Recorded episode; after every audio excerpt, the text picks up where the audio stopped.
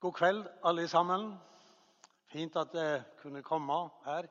Hører dere meg nå sånn noenlunde? Jeg skal prøve å se på dere. Eh, vi planla disse kveldene her eh, i forkant av koronatida. Eh, for vi tenkte håpet det er noe som vi må ha fokus på. Eh, så vi begynte å arbeide med eh, program og talekrefter osv. Og så ble vi innhenta av eh, denne koronatida. Jeg får fortelle at det har vært litt ekstra for meg og vår familie. For 27. mars da fikk eh, jeg telefon fra kona. Hun var på sykehuset. Og vi skjønte at det var noe som foresto som ikke var helt bra. 'Jeg har fått kreft', sa hun. Eh, siden den tid så har vi liksom hatt seks måneder med turer inn til Stavanger, til sykehuset. Jeg talte iallfall opp sånn omtrent 20 turer til sammen. Og eh, med cellekurer, med operasjon og cellekurer etter det osv. Jeg kan bare si at alt har gått så vel som eh, vi kunne ha forhåpning om. Men jeg bare nevner det fordi det har gjort at jeg har arbeidet desto mer intenst med dette temaet. Eh, fordi vi blir før eller seinere noen hver ramma av en trøkk som vi får i livet. Eh, men så er vi her da, og vi skal prøve å gå inn i eh, det bibelske materialet. Vi har tatt utgangspunkt i eh, dette uttrykket 'et levende håp'. Og Det er fra 1. Peters brev, i det første kapitlet og det tredje verset, som dere vet. Der heter det 'Lova være Gud og vår Herre Jesu Kristi Far', Han som har født oss på nytt til levende, et levende håp ved Jesu Kristi oppståelse ifra de døde. Det er en flott ting i vår kirke at når de kommer bærende med et lite barn her til dåpsfontenen, så sier presten det i det ordet i ritualet. Til et levende håp ved Jesu Kristi oppstå. Og når presten står på gravkanten og har skufla mold på kista, og de tar avskjed med en av sine kjære, da lyder det samme ordet. Det er egentlig noe fenomenalt over det i kirka vår og i mange andre kirker også. Det er livets begynnelse, håpet og når vi tar avskjed og kista blir senka i jorda. Jeg skal si litt først om meningsinnholdet i dette, i selve ordet.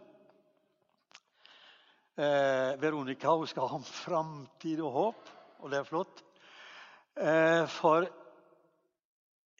håpet, det har med vår framtid å gjøre. Altså når vi retter blikket framover og litt oppover. Det har med det å gjøre at noe godt skjer. Det har med forventninger å gjøre. Vi har håp når vi forventer noe, og når den forventninga får en viss bekreftelse. La oss ta et lite eksempel. En gutt går og har festet øynene sine på ei snelle Eh, og han syns hun er så vakker og fin. Men hun bare går rett forbi der. Han får ikke noe respons. Så han går uke etter uke og kanskje måned etter måned. Og han hadde et visst håp en stund, men eh, så svinner håpet. Men så plutselig en dag så blunker hun til han. Og litt mer også. Hun snakker med han, osv. Det er ikke gagn i det hvis det bare håpet er inne i den ene parten. Det må forankres i noe mer. Det må få et gjensvar. Og det var ett eksempel jeg tok. Vi kan peke på også at håpet, som alltid er retta framover, det har som regel også med personer å gjøre. Personer som vi møter. Og især hvis vi møter en person som er veldig betydningsfull, så det at den personen ser oss, det gir oss et oppløftning. Håpet vokser. Gud ser mennesket. Han er vårt håp, står det i flere av salmene. Så er det det, da, at dette håpet, det er levende. Hva betyr det? Ja, Det betyr kort og godt at det har en livsfylde i seg. Det har en kraft i seg en livskraft, en sprengkraft, kunne vi si. Å være født på ny til et levende håp, det er ikke bare noe som kan finne i et papir eller sånn i et ritual. Men det er en levende virkelighet. Et levende håp, sier Peter. Ja, nå skulle jeg komme framover. Skal vi se. Nå det neste som jeg vil peke på, det er at håpet det er et alminnelig ord, et allment begrep. Eh, ofte så er det knytta til, og sånn er det i alle sivilisasjoner, i alle kulturer. Det er knytta til helsa vår, vår velferd, vår helbred. Eh, det er knytta til eh, om det er vekstvilkår. En eh, bedrift Hvis det skal være håp for den, så må det liksom gå litt framover. Litt grann oppover helst. Så det har også med økonomi å gjøre. Med utvikling. Med progresjon. Det er når et samfunn opplever det, at håpet begynner å lyse Eh, for mennesker. Enten for enkeltmennesket eller for kollektivet. Og så vil jeg streke under at håpet er nødvendig. Det er vanskelig for et enkelt menneske hvis håpet begynner å forsvinne. Så rent psykologisk sett så er en avhengig av det. Derfor er det så viktig å oppmuntre hverandre. Så en oppmuntring holder liv i håpet. Men også for kollektivet. Hvis ei folkegruppe begynner å miste håpet og ikke ser noe framtid Jeg har hatt et helt år i Libanon og flere studieopphold så jeg kjenner noen av de som ble ramma nå av denne forferdelige ulykka 4. august. Jeg fikk rapport her om dagen av en som arbeider intenst for å hjelpe mennesker der. 250 000 har fått eh, husene sine delvis eller helt ødelagt. Og noen sa Vi prøver å holde intens fast i håpet. Men for noen her holder på å svinne hen. Slik er det. Bare tenk over det.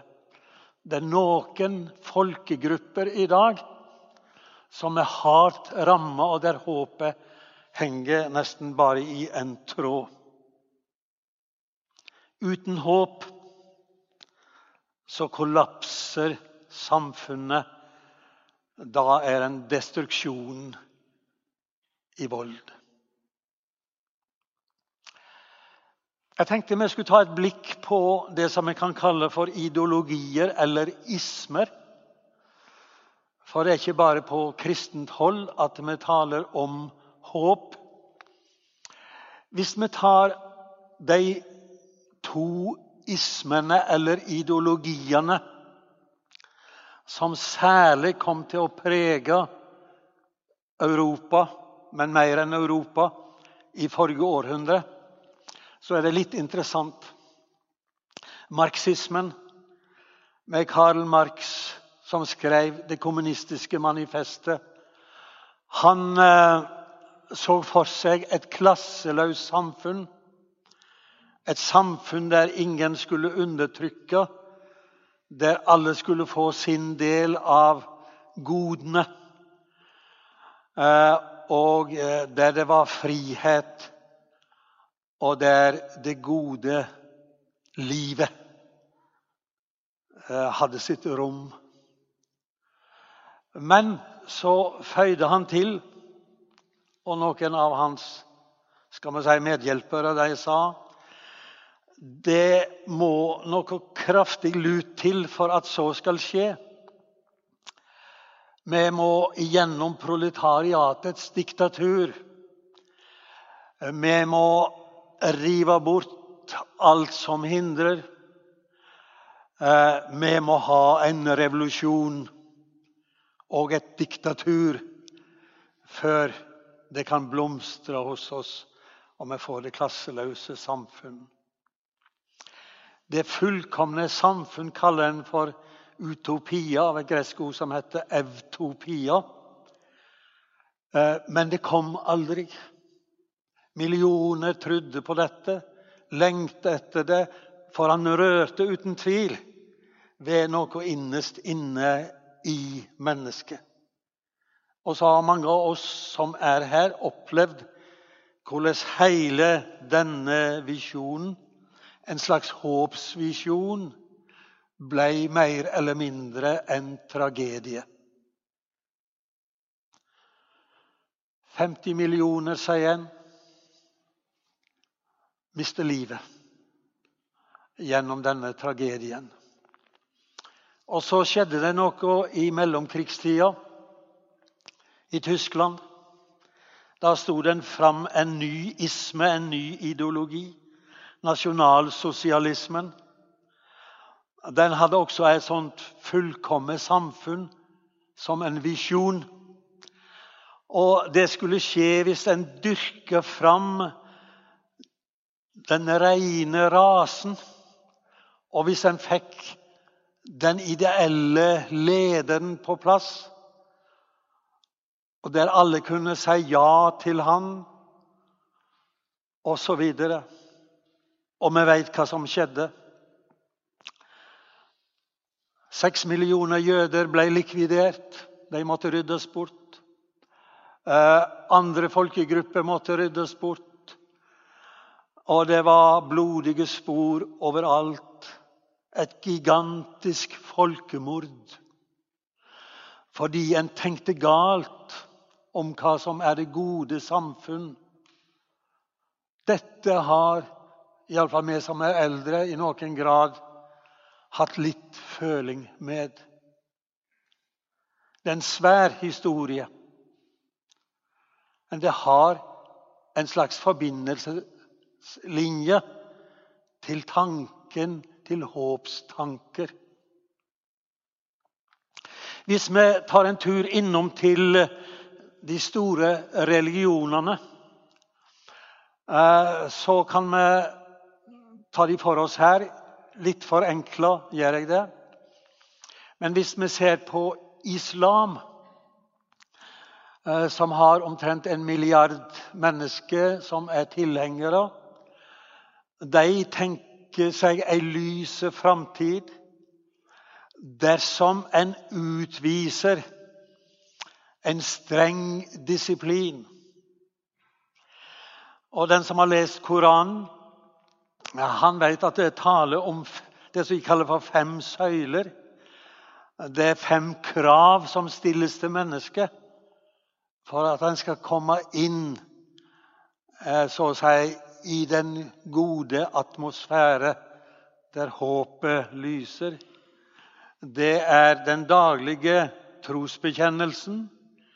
Det er de daglige bønnene er det fire bønnetimer. Og så er det fasten, ramadan. Og så er det almisse, så det ikke skal være fattige i samfunnet.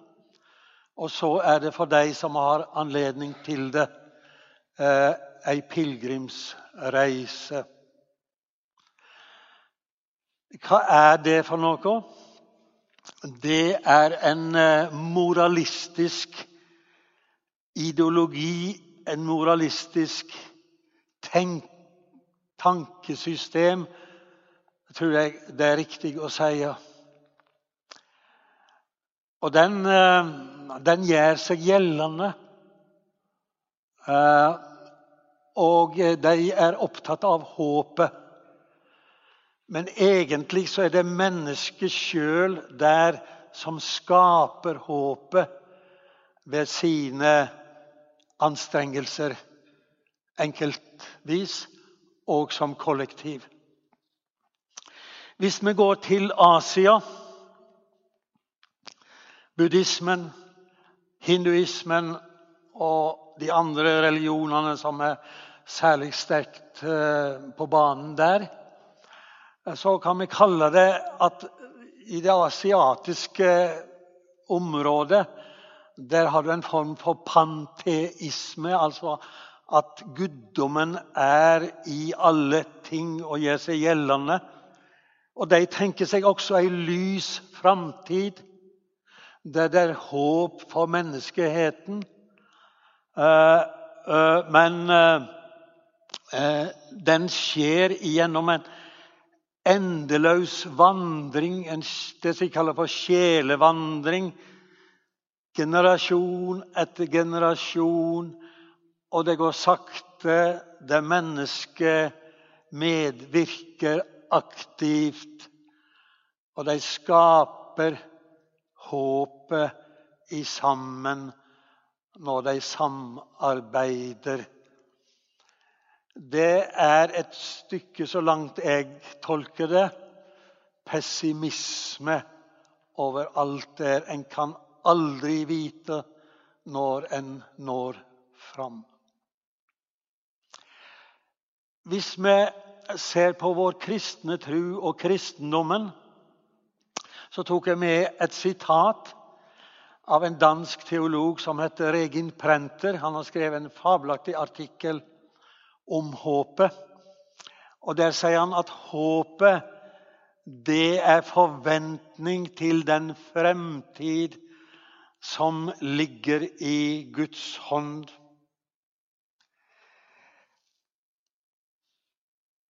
forventning til den fremtid som ligger i Guds hånd. Det er ikke mennesket som skaper håpet, men Gud er der, og han vil gi oss framtid og håp. Og Guds hånd, den er rakt ut til oss i Jesus Kristus. Og jeg tror jeg vil konkludere med å si det er et bærekraftig håp i vår kristne tro. Og jeg skulle ønske at mange, mange, mange flere enn de som i virkeligheten går inn i dette, knytter seg til det, kunne se det. Tenk om folket på Bryne, i Time, i Rogaland, i Norge virkelig kunne se dette. At Gud er i ferd med å skape håp, og han har rakt ut sin hånd i Jesus Kristus. Eh, Grundtvig, som har skrevet mange salmer, han sier en plass at bønn er håpets eh, eh, uttrykksmåte. Bønn er håpets uttrykksmåte. Vi kunne føye til salmene. Jeg har blatt gjennom salmeboka i disse månedene. Og det er helt fenomenalt så håpet eh, plutselig kommer inn i et eller annet vers her i den salmen vi sang. Og hellig håp, synger Ronald Fangen når han sitter i fengselet der i 42. Og om vi blar i salmeboka i Det gamle testamentet, så vil du se det også i klagesalmene, også i nødsalmene, så er håpet kommet der som et lite lys og som et sterkere lys. Eh, hvis vi nå tar en liten tur innom i det bibelske materialet, eh, så kan vi si at håpet det, det, det blir brettet ut for oss eh, rent allment også i Det gamle testamentet. Det er noe dennesidig. Det har med helse å gjøre, med gode livskår, livsutfallelse. Det har med det sosiale liv å gjøre. Du kan lese om det i salmene. Det er Gud som gir det. Men det er noe også der som skiller seg ut. Og det har med forankringa av håpet å gjøre. Og jeg nevner der at uh, Gud er jo skapen av kosmos og av mennesket. Den verden vi beveger oss i, er ikke skapt av den vonde. Det er Gud som har skapt den, og han har den i sin hand. Og han fører alt fram imot et mål. Guds fullkomne rike. Jeg syns det er et fint bilde. Sola er der bak skyene, og du ser eh, det gylne som er der. Og vi veit skyene skal bort en dag. Sola skal stråle og varme. La oss gå litt mer inn i Det gamle testamentet. Hvis vi tar for oss Abraham, som jo er stamfaren til israelsfolket, så kommer Gud og kaller på ham, dra ut ifra farshuset ditt, ifra landet ditt osv. Og, og til det landet som jeg vil vise deg. Eh, I første Mosebok 12. Og så vandrer han i tru på det uvisse på et sett, men med et håp. Og eh, så veit vi hvordan det gikk med han. Han som var lovt ei kolossal stor slekt og ei kolossalt stort folk. Det krympa inn med de bevisa som skulle komme på at så skulle skje. Sara får ikke barn, ingen arving, ingen som kan lage dette folket, skape det. Og det går utover den tida da hun kan få barn. Og Abraham er på felgen. Har du svikta meg, Gud? Er håpet ute? Men det står så flott i romebrevet Jeg tenkte jeg skulle kanskje ta det med her i kapittel fire. ennå alt håp var ute, helt Abraham fast på håpet og trodde. Håpet var ute, men han holdt allikevel fast på det. Et fenomenalt ord, syns jeg. Så hopper vi til Egypten. Uh, Jakob er der med sønnene sine. I flere hundre år er de der. Er treller. Og de mimrer og tenker på den lovnaden de har fått en gang til stamfaren sin Abraham. Nå er de undertrykt og kua, og de synger og ber om at noe må skje, om at det må sendes en person som kan løse dem ut og befri dem. Så de holder håpet så vidt oppe. Og så sender Gud Moses og frier dem ut da de var helt på felgen. Og så, når de har gått gjennom havet, så er de kommet inn i øyemarka. Og der blir håpet utprøvd. Folket går sine egne veier. De gjør opprør imot Moses. Ehm, det er uro. Det er hadde jeg sagt, revolusjon og opprør. Ehm, men eh, de blir allikevel halden fast ved Gud, og så sender de speidere inn i landet, Kanans landet, som Abraham var lovt. Det fløymer med melk og honning. Det tror vi ikke på, sa noen. Og så døde de i øyemarka. Andre sa dette vil vi holde fast på. Og så vandra de videre, og, men de ble prøvd. tar vi enda et steg videre, eh, så var de kommet inn i landet. Hvordan skulle de stelle seg da? Vi gjør det sånn som alle folk, andre folka. Vi får oss en konge som kan lede oss. Nei, skulle de ha det? Og Gud gav etter, de fikk det sånn som de ville. Eh, de ville sikre håpet med makt og med velde.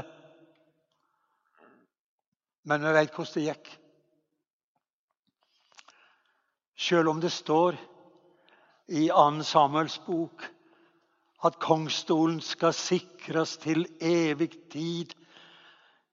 Til i all eva skal det være konger på Davids kongstol. Det var Guds tanke. Men Gud måtte bryte sin egen lovnad. Og så gikk alt kapseisen. Først Nordriket som falt i 722 før Kristus. Og så Judea, Jerusalem. Og kongene var borte for alltid. Det vil si, det var noen makabeere i 170 før Kristus. Det var ikke for konger å regne.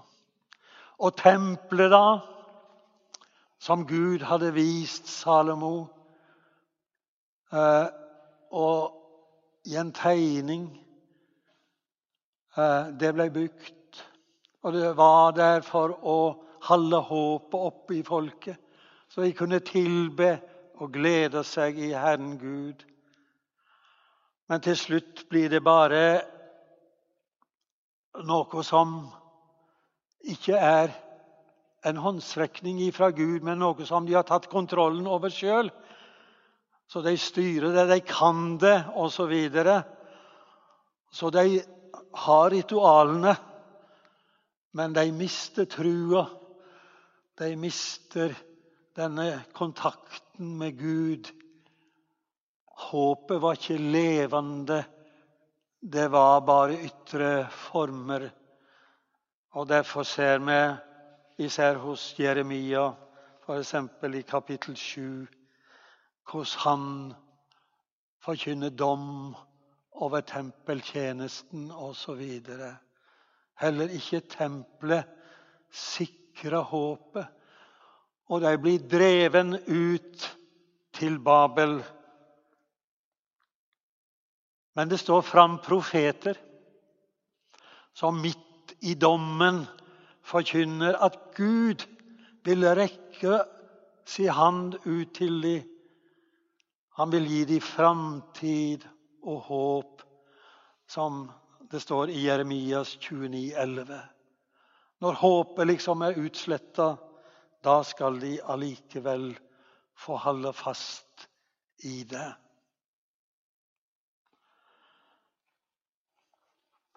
Bare en liten visitt innom eksilet i Babel. Der, eh, da var de, skjønner vi, helt i krise. Tempelet var lagt i grus. Og folket gret i fortvilelse, men også i lengsel. Da skjedde det noe merkelig. De samles i mindre grupper i synagoger. Og der sang de sine sanger, og det leste de fra de skriftene som de forsto som hellige skrifter, som Guds tale til dem. Og håpet overvintra hos dem der. Men det skjedde noe mer. Jeg prøver å si det der i det siste punktet. Profetene de eh, forkynte slik at håpet fikk eschatologiske dimensjoner. Det vil Si lovnader som sprengte nasjonale og fysiske grenser. Eh, og jeg ser Esekiel og Jesaja-boka fra kapittel 40 og utover, som taler om dette. Esekiel taler om ei elv midt i byen den veller opp og gir liv, nytt liv, nytt håp, ny framtid til folket. Og det skal bli et nytt tempel. Og dimensjonene på det er omtalt på en sånn måte at det sprenger alle fysiske og arkitektoniske mål. Og en skjønner at enten må det være vanvidd, som profeten taler her, eller så er det noe uendelig stort som Gud har på gang og som skal komme til folket en gang. Så kom de hjem. Det ble veldig smått stell. Du kan lese om det i Esra og Nehemja. De fikk bygd opp et tempel. Men det var bare 25 000 som kom tilbake fra Babel, sier de lærde. Så disse visjonene ble ikke helt realisert. Og mange vakler. Hva er det hvor er det vi befinner oss når det gjelder håpet? Da sender Gud sønnen sin, født av ei kvinne, for å kjøpe mennesket fri. Og Jesus står fram midt i folket, midt i uroen i Galilea, og sier, 'Jeg er veien, sanninga og livet'. Kom til meg, alle dere som strever og har tungt å bære. Hos meg skal få hvile dere ut. Det hadde aldri vært en profet som hadde sagt det. Du finner aldri noen plass i Det gamle testamentet at en profet sier 'Kom til meg'. De sa 'Gå til Gud. Kom til Gud'. Kom til Jerusalem, så skal du få drikke av frelseskjeldene. Jesus sier 'Jeg skal gi dere å drikke', og kom til meg, så skal det få hvile for sjelene deres. For et sjølmedvet. Så han er Israels trøyst, sier Simon i tempelet når han velsigner barnet. Og han er håpet for folkeslaget, føyer han til. Så når Jesus kommer, så blir håpet tent i hele verden. Og når Jesus dør, og står opp igjen på påskedagen, da er håpet fundamentert i denne verden. Det er håpets grunnfolk.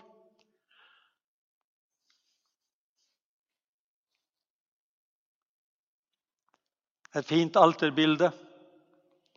Det ser hodeskallen under. Den korsfester sine føtter. Det er døden som er overvunnen. Og det du Einar, du husker det er ikke Siang den gamle keiserbyen heter? Det er fra en gudstjeneste for ti år siden der fikk være med Torunn og meg. Der synger et kor bestående av ungdommer i Kina.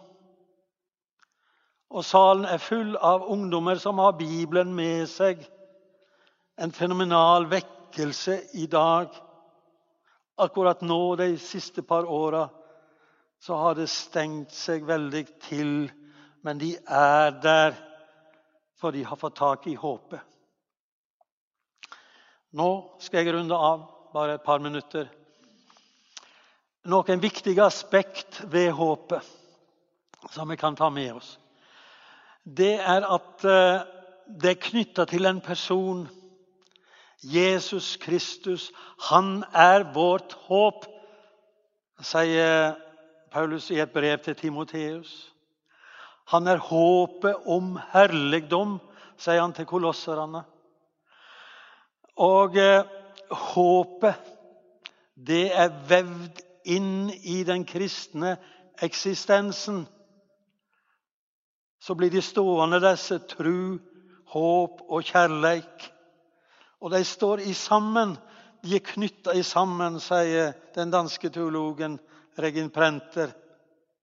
For trua, det er tillit til Jesus.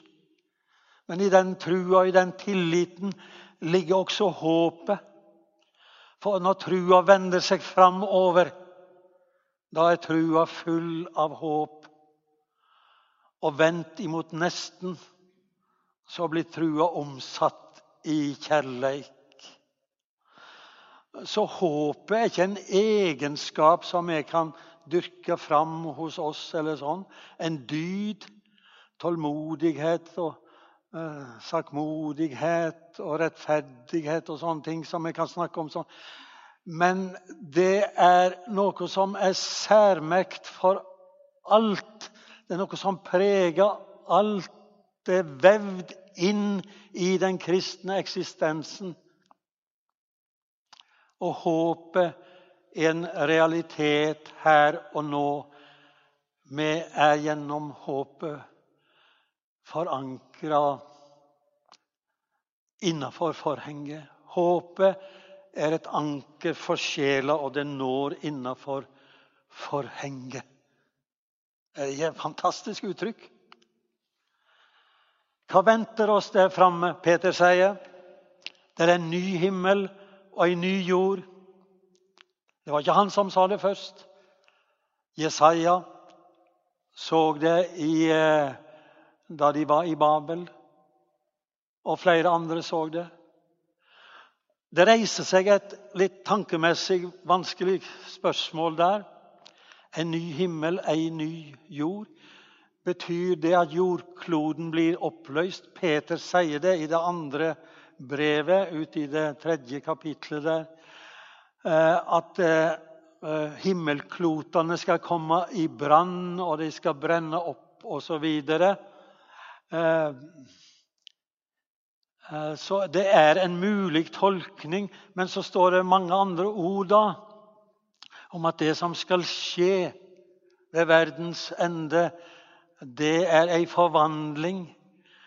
At eh, det som er og er forgjengelig, det skal frigjøres ifra det forgjengelige. Dødskreftene blir fjerna. Romerbrevet 8, 20 og følgende, det står alt om dette. Det er et framhold altså av det skapte. Men det kommer liksom i en ny skikkelse, i en ny form, med nye dimensjoner.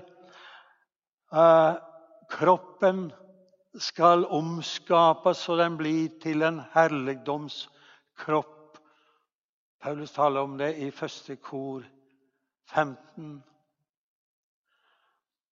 Og det venter oss mer der rettferd bur. Det som det er så kolossal mangel på i alle land i dag. Uretten tar overhånd, akselererer noe kolossalt. Men der skal rettferda bu, og mennesket blir da det det er skapt til å være.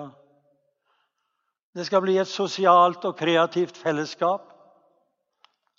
Bibelen taler om en eh, perfekt by.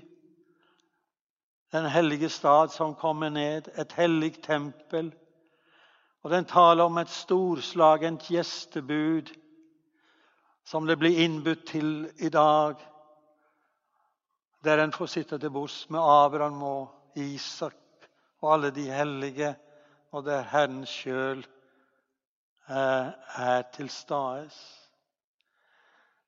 Og vi skal se Han ansikt til ansikt. Det har jeg skrevet litt mer om i det papiret som det fikk der. Vi skal se Han som Han er. I et ikon ser du noe betagende, noe som løfter deg ut av hverdagen. Kristi øyne. Han ser oss. Han er trua sin opphavsmann og fullender. Takk for oppmerksomheten.